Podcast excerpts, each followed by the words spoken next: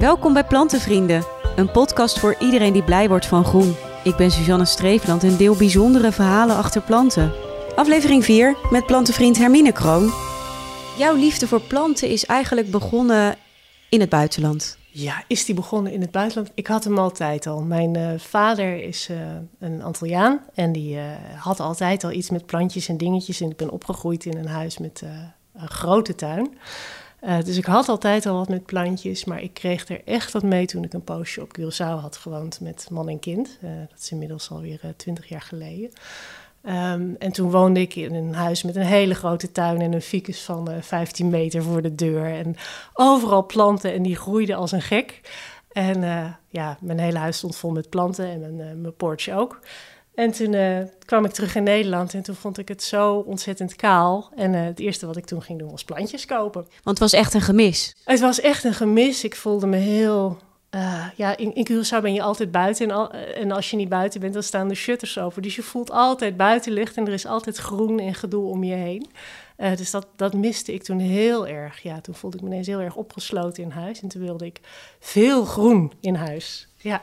En toen kwam je aan bij een tuincentrum. Toen kwam ik bij een tuincentrum en uh, in Woerden was dat. Ik kijk meteen naar mijn plant, want hij is echt heel mooi, vind ik. Um, en, uh, en daar zag ik die, die plant staan. Ik had hem nog nooit gezien bij een tuincentrum. En um, ik, ja, het heel mooi groot groen blad en uh, heel glad en glanzend. Dus ik ging hem ook een beetje aaien.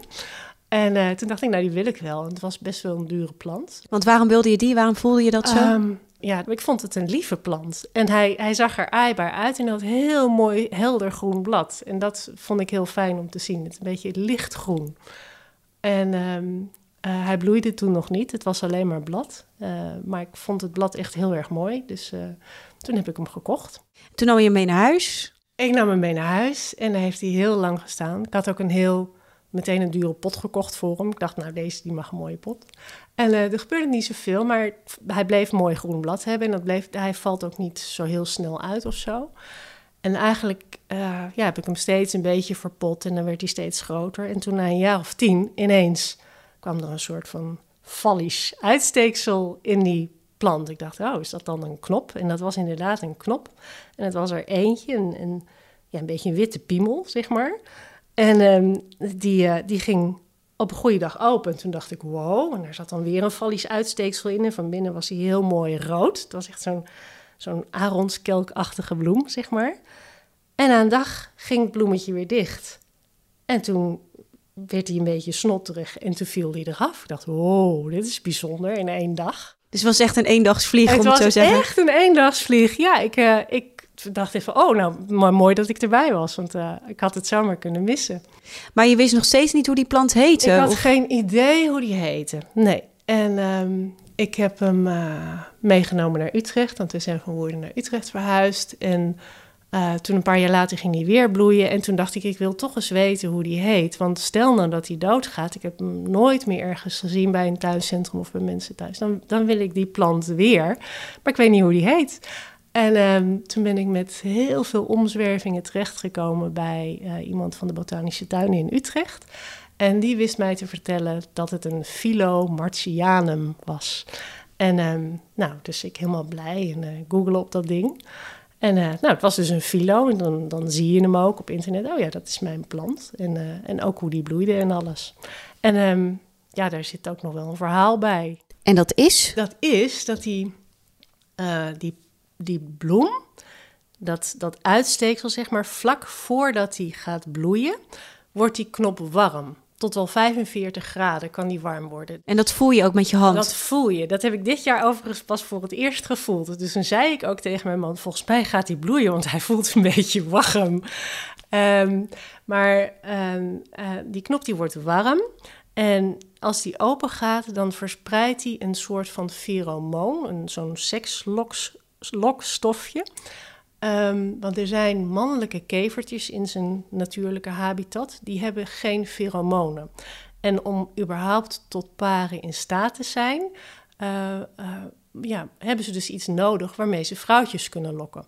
En als de bloem open gaat en hij is een beetje warm, dan scheidt hij dat pheromoon uit. Die mannelijke kevertjes die duiken daar dan met z'n allen in. Het is best een grote bloem. Ik las trouwens dat, hij, dat er soms wel twintig kevertjes in kunnen zitten dan. En de vrouwtjes die komen daarop af, want dat ruikt lekker. En dan gaan ze paren in de bloem en dan gaan ze allemaal weer weg. En dan gaat het bloemetje weer dicht, poppetje gezien, kastje dicht. Maar zou het nou die bloem er niet zijn, dan zouden de kevertjes zich niet kunnen voortplanten. Dus het is echt een liefdesplant voor de kever. Het is echt een liefdesplant voor de kever. Dat vind ik echt zo cool eraan. Want waar komt die normaal gesproken voor? Uh, in Brazilië heb ik, uh, heb ik gehoord, in, in ieder geval in Zuid-Amerika in het oerwoud. En hij kan zowel uh, op de grond gooien. Maar je kan ook aan hem zien, hij heeft luchtwortels. En hij kan dus ook zich vasthouden als hoge plant in een boom, zeg maar. En jij aait hem ook echt? Ja, ik, ik aai hem wel eens. En het grappige is dat Bezoek dat ook heeft. Die zegt dan, wat een bijzondere plant. En die gaan allemaal dat blad ook een beetje staan aaien. Hij nodigt uit tot aaien. Grappig, ja. ja. Als ik hier om me heen kijk, ik zit hier in de woonkamer in Utrecht... dan ja. heb je sowieso wel wat planten. En je hebt ook nog een lidcactus. Ja, een hele oude. Um, nou ja, wat ik al zei, mijn, mijn vader die heeft uh, wel de liefde voor planten meegebracht, maar dat heeft hij weer van zijn moeder. En mijn vader is dus Antilliaan, die kwam halverwege de jaren 60 naar Nederland. En die trof een Nederlandse vrouw. Um, en mijn Curaçaose oma heeft voor mijn Nederlandse oma een stekje aan hem meegegeven van de lidcactus. En um, uh, nou, toen heeft mijn vader dat meegenomen en die cactus is bij mijn oma beland en die heb ik weer van mijn oma geërfd. Dus het is inmiddels al na de zoveelste verjonging, maar het is nog steeds van dat ene stekje uit de begin jaren 60.